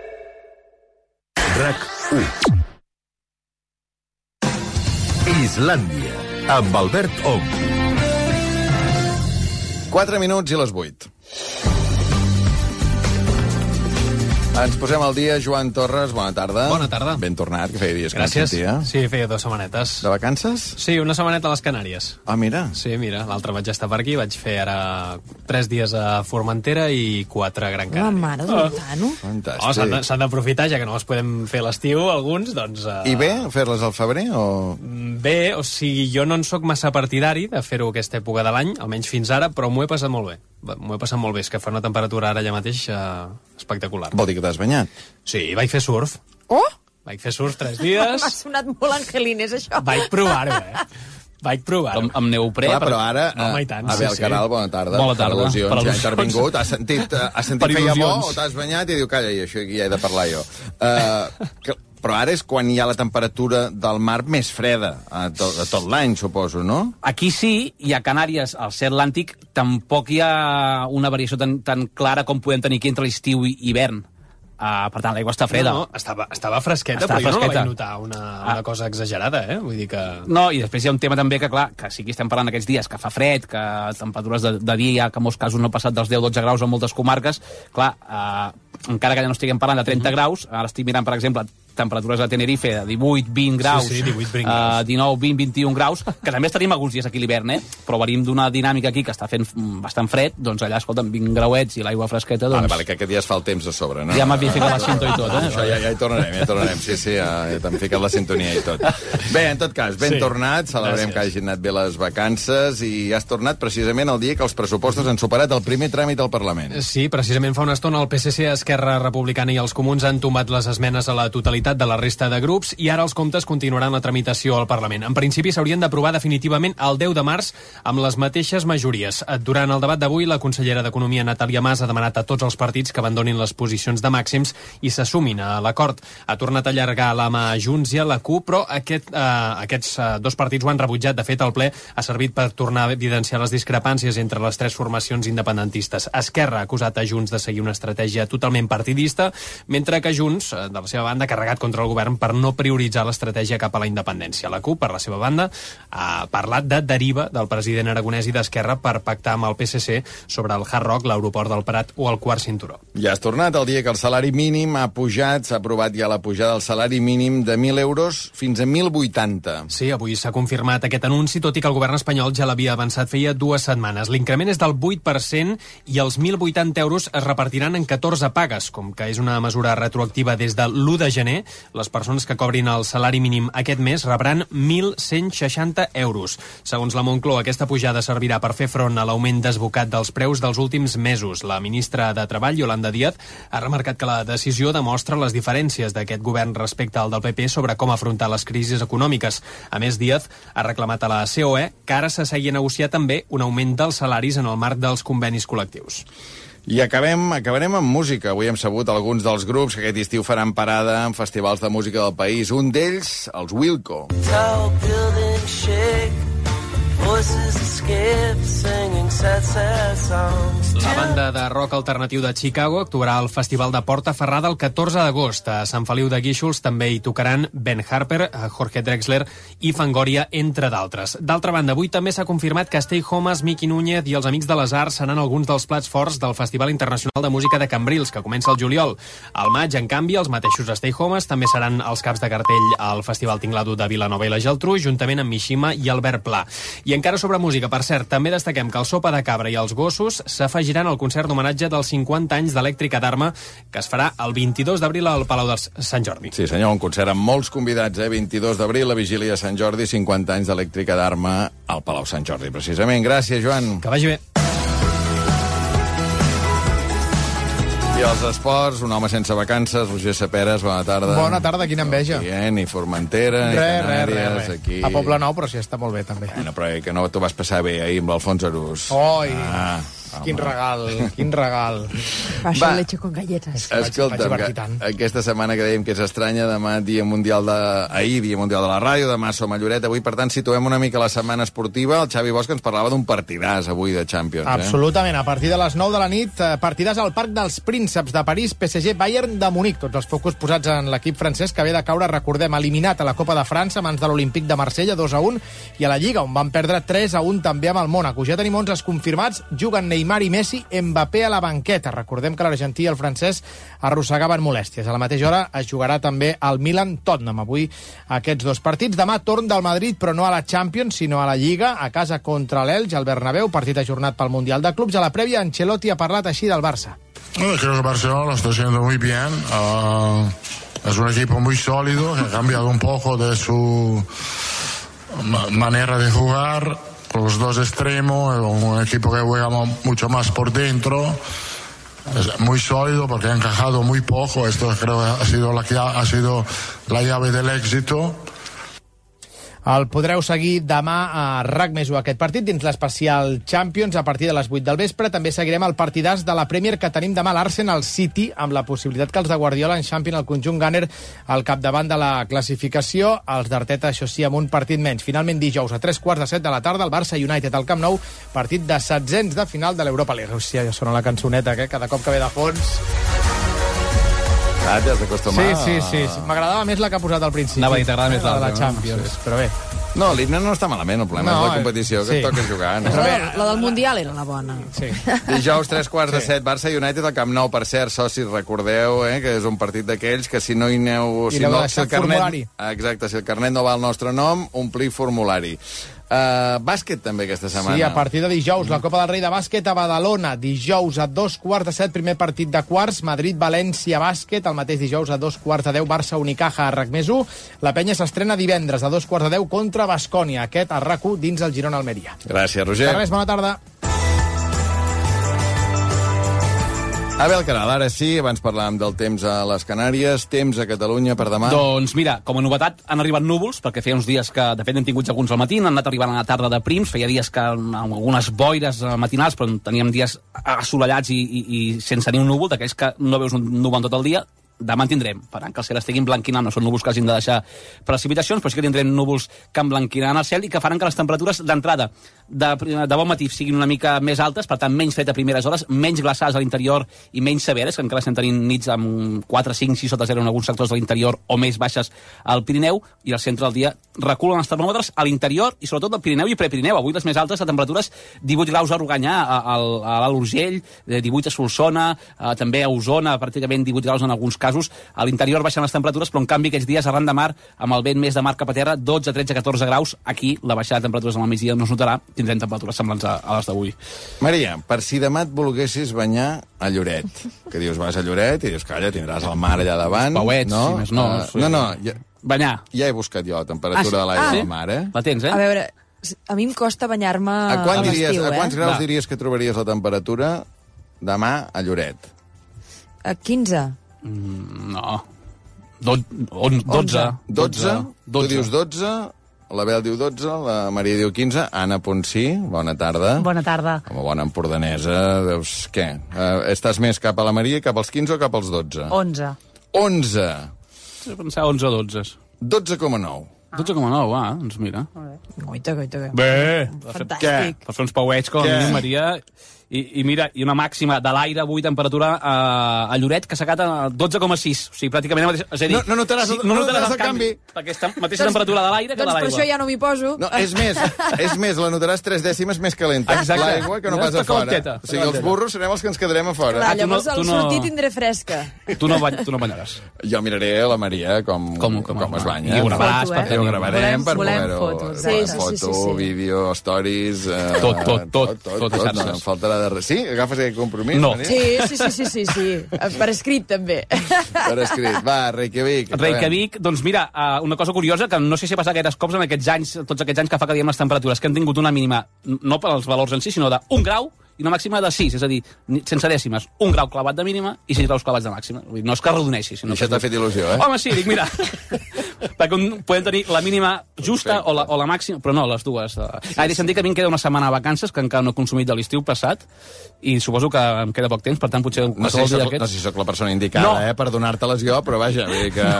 Aniràs? No, no, vull dir que, que potser us abandono una setmaneta. Jo potser m'aniria cap als Alps, per això, més que cap a Ah, Canàries. una mica, sí, mica més de fred, una mica Sí, més de mica fred. És que l'Anna avui ve una mica de carnaval, que estàs Ah. de carnaval fins aquí dalt ja, o, o què, Doncs Anna? A veure, comença, ja, eh? Explica. No, això de les criatures, no? Que cada dia han d'anar disfressats d'alguna cosa i Aquí última també, eh? hora has d'anar a comprar una capa, aquestes coses. Cada dia és, és una cosa diferent. Hi ha dies molt fàcils, com un mitjà de cada color. Mira, això demà Això RAC1 demà aquí també. RAC1, sí, Ah, Albert, sí. Sí, sí. No, però nosaltres... Som a Lloret. A Lloret, a Lloret no. No aplica. No, no aplica. O al Lloret li agrada això del carnaval. Sí, que, no home, us i que no us facin disfressar. Home, i tant, i tant. Demà tindrem el rei i la reina del Carnestoltes allà al, al teatre. I demà què toca? Uh... Demà toca capa, dijous pentinat divertit, que amb un nen i amb el cabell curt és complicat, Mm -hmm. i divendres eh, lliure. Lliure. I avui, que... que és molt curiós, eh? això també és digne d'estudi, perquè les nenes solen anar de princeses, mm. frozens i coses així, i els nens de superherois, i això no ho superem. Sí, sí. Pentinat divertit. Molt bé, m'ha quedat bé. Si tu també ho tens difícil, eh? No, però t- Bueno, jo, jo t'hi una- veig aquí una amb un spray. No, un spray. Una cresteta, no? Tenyit tot negre, no ho trobaríeu divertit? Ai, sí. Prou. Sí, no, faria Prou. riure si em Sí. veiéssiu Sí. tot negre un dia Sí, Però les celles també, eh? Tot, tot, tot, tot. De cap a peus. Tot. Abel, gràcies. Vinga, que vagi Va. bé demà.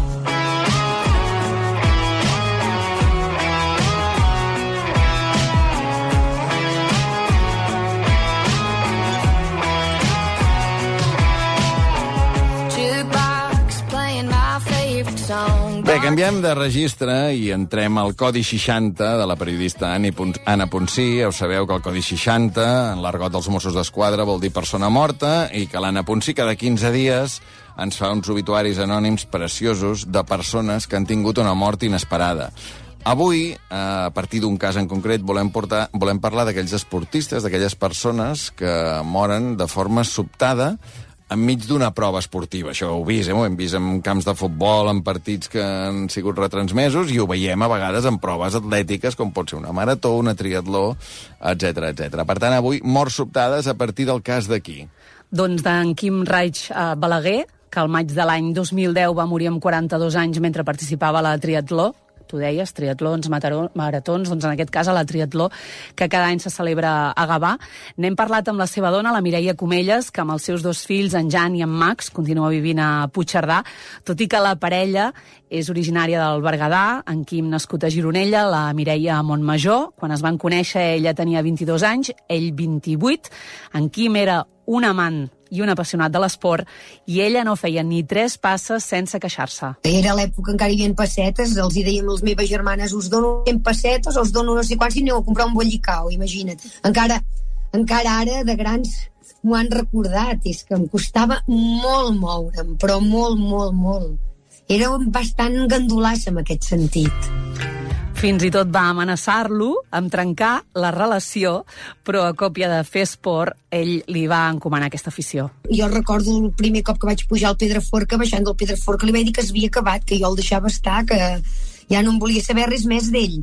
I, i en un mes el vam pujar tres vegades, no sé com explicar-ho, vull dir que va ser com un gran mestre per mi també, perquè em va anar a saber portar al seu terreny i amb els meus fills encara a data d'avui els hi dic que, que de les millors herències que em va deixar el Quim va ser aquesta il·lusió per, per la muntanya i per la neu, l'esquí de fons... Amb la Mireia hi hem parlat a través de videoconferència, per això sentiu aquest so doncs, una mica metàl·lic. Ell, en Quim, treballava a la banca, el van traslladar de ben jove a Puigcerdà, enmig de camins, muntanyes, van poder practicar esquí de fons, caminades, trail...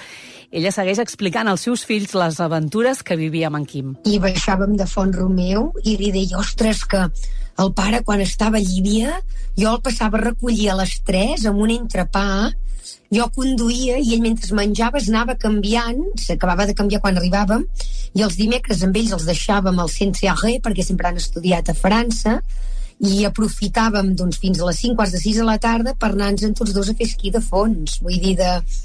és que ens encant... és que disfrutàvem i ho compartíem i era, era jo què sé, primer me'n vaig enamorar, però al final era com, era també el, era, era el pare dels meus fills, però com el meu millor amic. La Mireia i en Quim se venien molt, com sentíem. Per ella va ser l'amor de la seva vida i creu que ell l'estimava amb bogeria. Jo crec que era de lo millor que m'havia passat a la meva vida.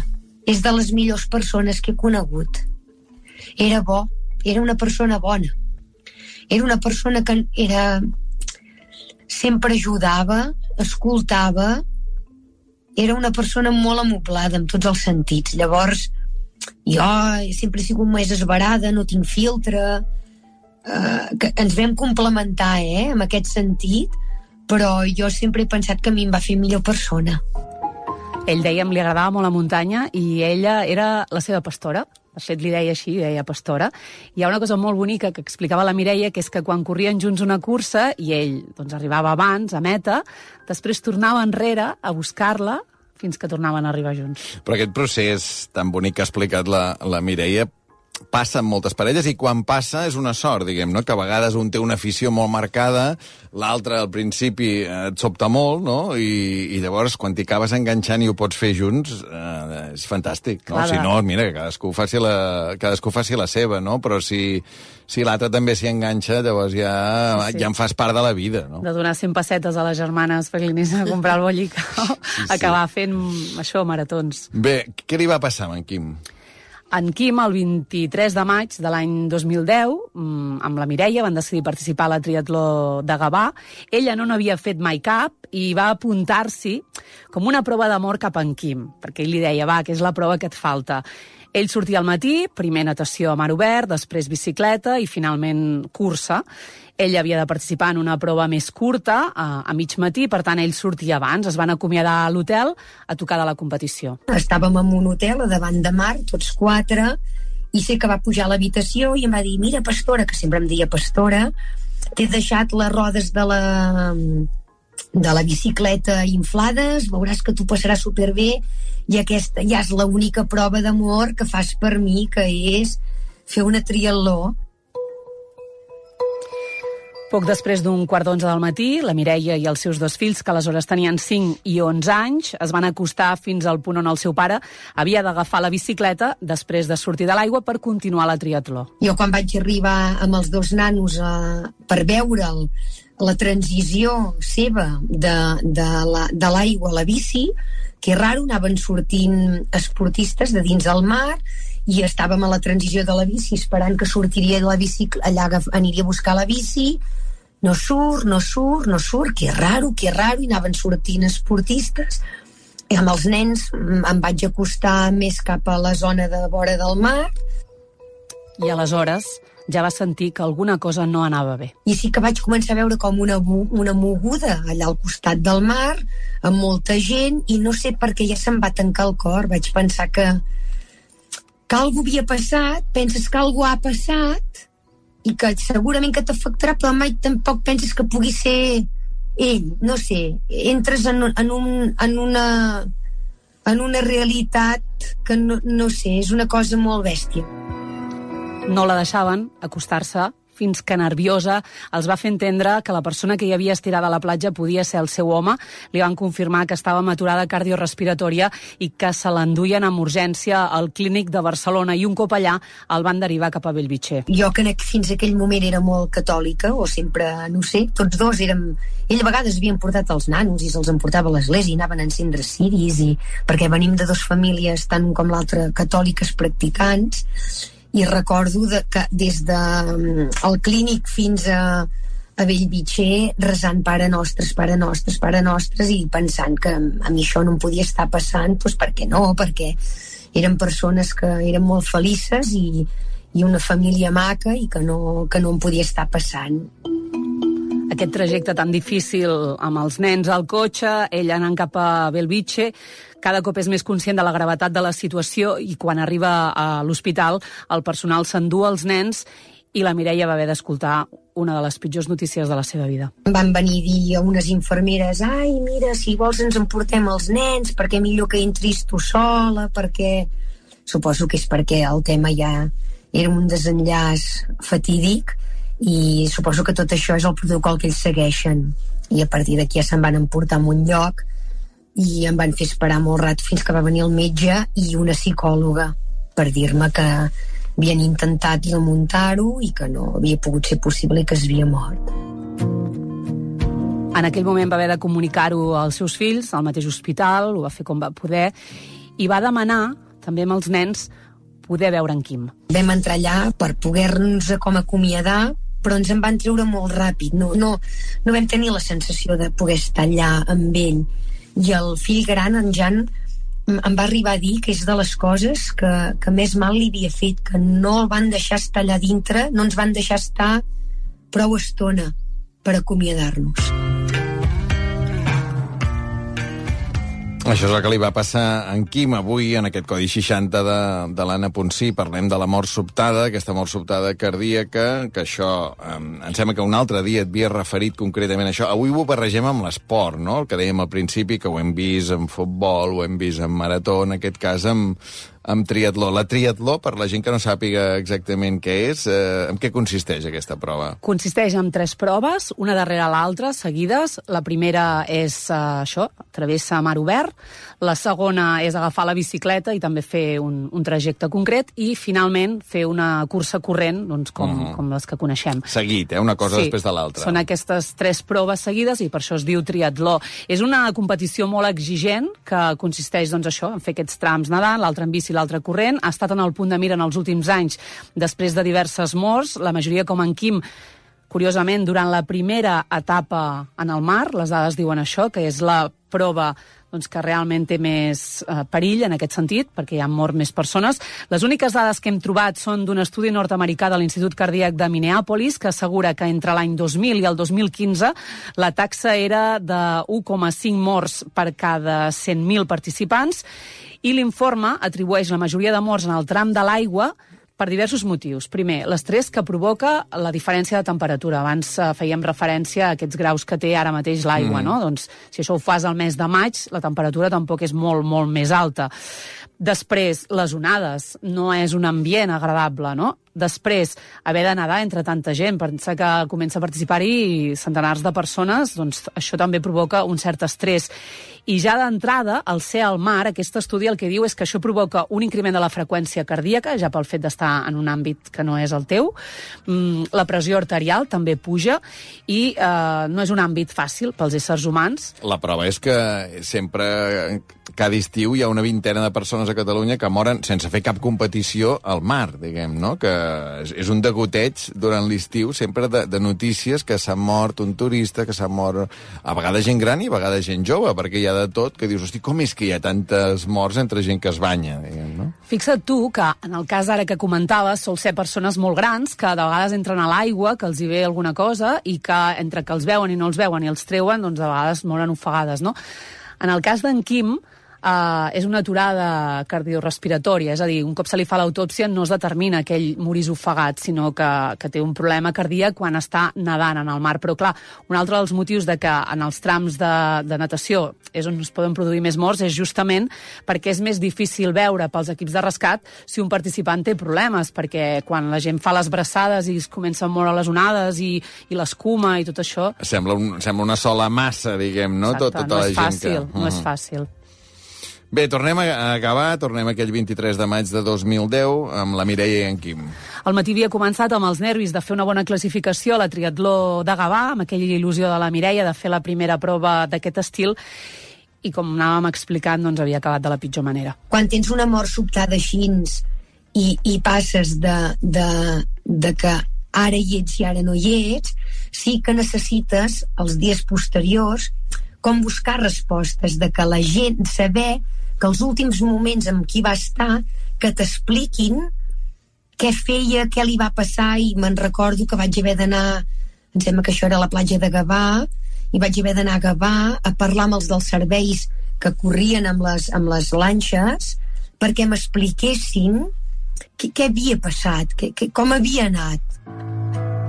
Va buscar també informació sobre la mort sobtada i, malgrat no tenir dades precises sobre si en Quim tenia o no un component genètic, els seus fills, en Max i en Jan, passen cada any un control amb un electrocardiograma i també una ecografia cardíaca.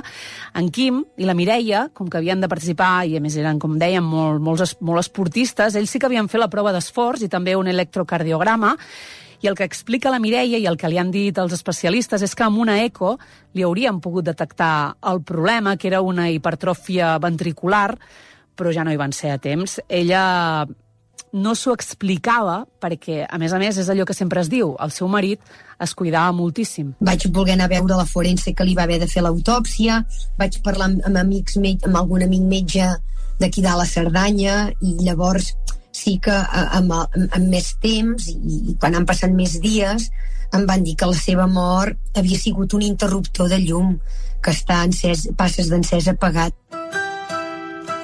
Ella, que és procuradora dels jutjats, va tenir l'ajuda de la família, sobretot dels seus pares, doncs, que els van seguir literalment alimentant. Ella no podia amb la seva ànima. Va acabar pesant 46 quilos, eh, però amb el cor trencat, i allò ho explica així, va treure forces d'on va poder i va fer pujar els seus dos fills, que ara ja tenen 19 i 22 anys. Plorava molt, plorava molt. Sí, sí, era la meva via de- d'escapament de, per treure el dolor que portava dintre i em feia uns bons tips de plorar. Però d'aquesta manera, i amb, amb anys, eh? Em, em va costar molts anys a mi, eh?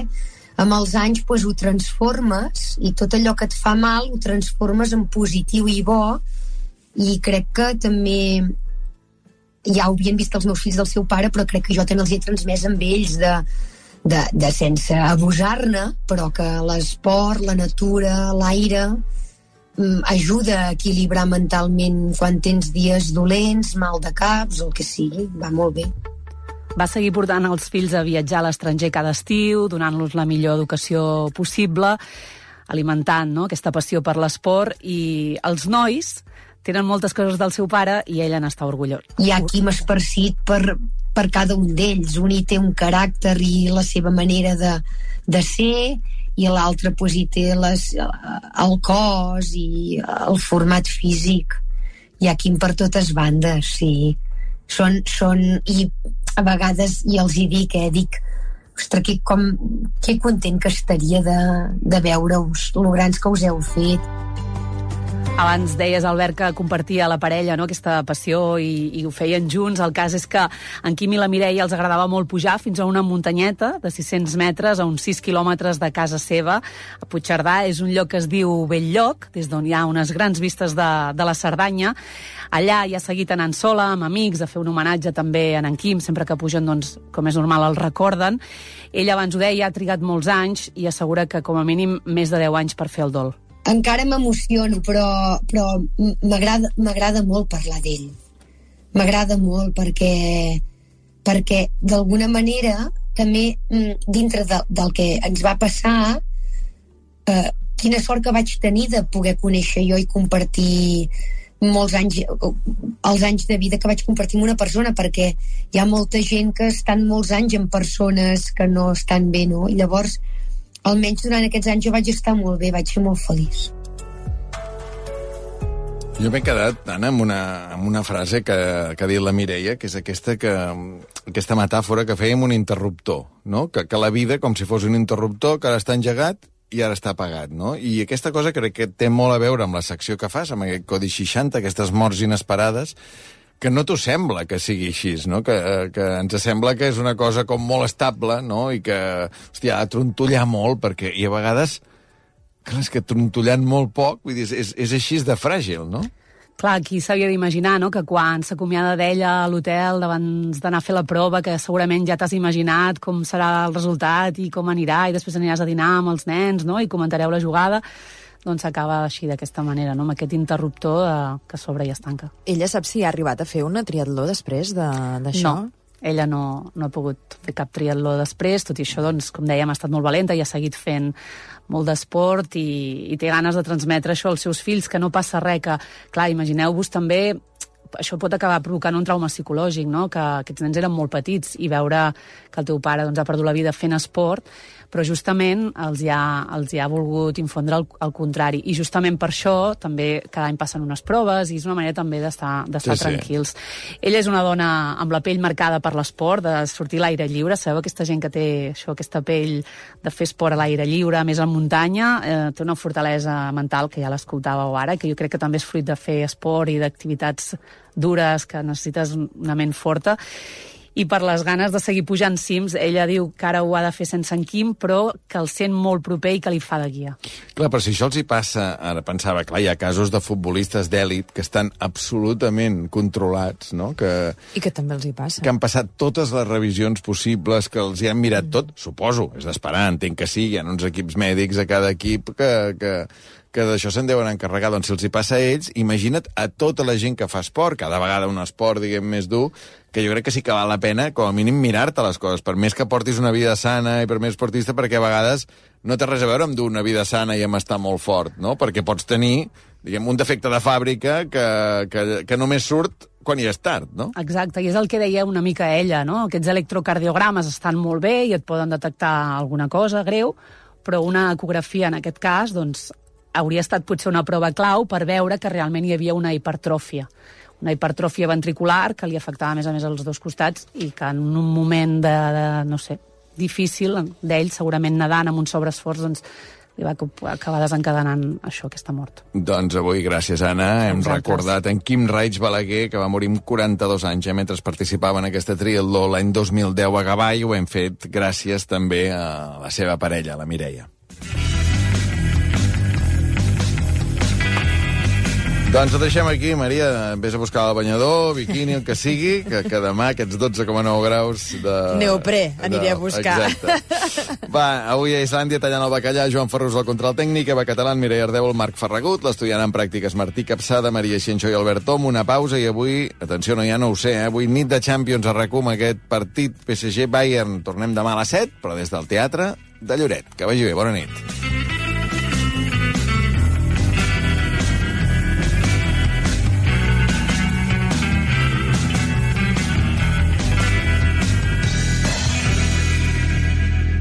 Vine a descobrir les col·leccions que acaben d'arribar a la Roca Village. Troba les peces que duraràs durant tota la temporada a les nostres més de 150 botics amb fins a un 60% de descompte, com Metro, Lacoste o Diesel. Visita la Roca Village de dilluns a diumenge i explora les últimes novetats de les nostres botics. Si ets creatiu, tecnològic i emprenedor, connecta't a la sessió informativa en línia de la Salle Campus Barcelona. De dilluns 20 a dijous 23 podràs informar-te dels graus en arquitectura, arts i animació, enginyeria STIC, informàtica, business, filosofia i els nous graus en enginyeria de la salut i disseny i creació de productes interactius. Inscriu-te a salleurl.edu i consulta l'horari de cadascuna de les sessions. La Salle Universitat Ramon Llull. Be real. Be you. A Hipercor i al supermercat del Corte Inglés sempre et sorprenen amb preus increïbles. Només avui i demà tens el llucet, peça d'un a dos quilos, a només 4,99 euros al quilo. Sí, sí, ho has sentit bé. A 4,99 euros al quilo. Només avui i demà. Només a Hipercor i al supermercat El Corte Inglés. A la botiga web i app. Preus vàlids a la península i les Balears. El seu currículum està força bé, però l'anglès com el porta? Perquè somriu? Als cursos d'idiomes a l'estranger de Rosa dels Vents no només aprendran anglès, sinó que viuran una experiència única que mai oblidaran. Rosa dels Vents, cuidant el que més estimes des del 1976. RAC1 presenta La ruta islandesa. Ràdio en directe per tot Catalunya. Propera parada, Lloret de Mar. El dimecres 15 de febrer a partir de les 7, Islàndia, amb Albert Om, en directe des del Teatre de Lloret a la plaça Germinal Ros. Veniu a veure una hora i mitja de ràdio en directe per celebrar que Lloret és la capital de la cultura catalana 2023. Sabrem què prepara la ciutat per aquest any tan especial. I ho farem al costat d'estrelles convidades com Fel Feixedes... Hòstia, Lloret, per mi és com jugar a casa. Cristina Puig... A Lloret és on m'han passat totes les primeres coses. I la música de De La Fe i Les Flores Azules. El dimecres 15 de febrer, Islàndia des de la capital de la cultura catalana 2023, amb Albert Tom des del Teatre de Lloret. Us hi esperem a tots. Entrada gratuïta. Obrim portes a dos quarts de set. RAC 1. Tots som 1.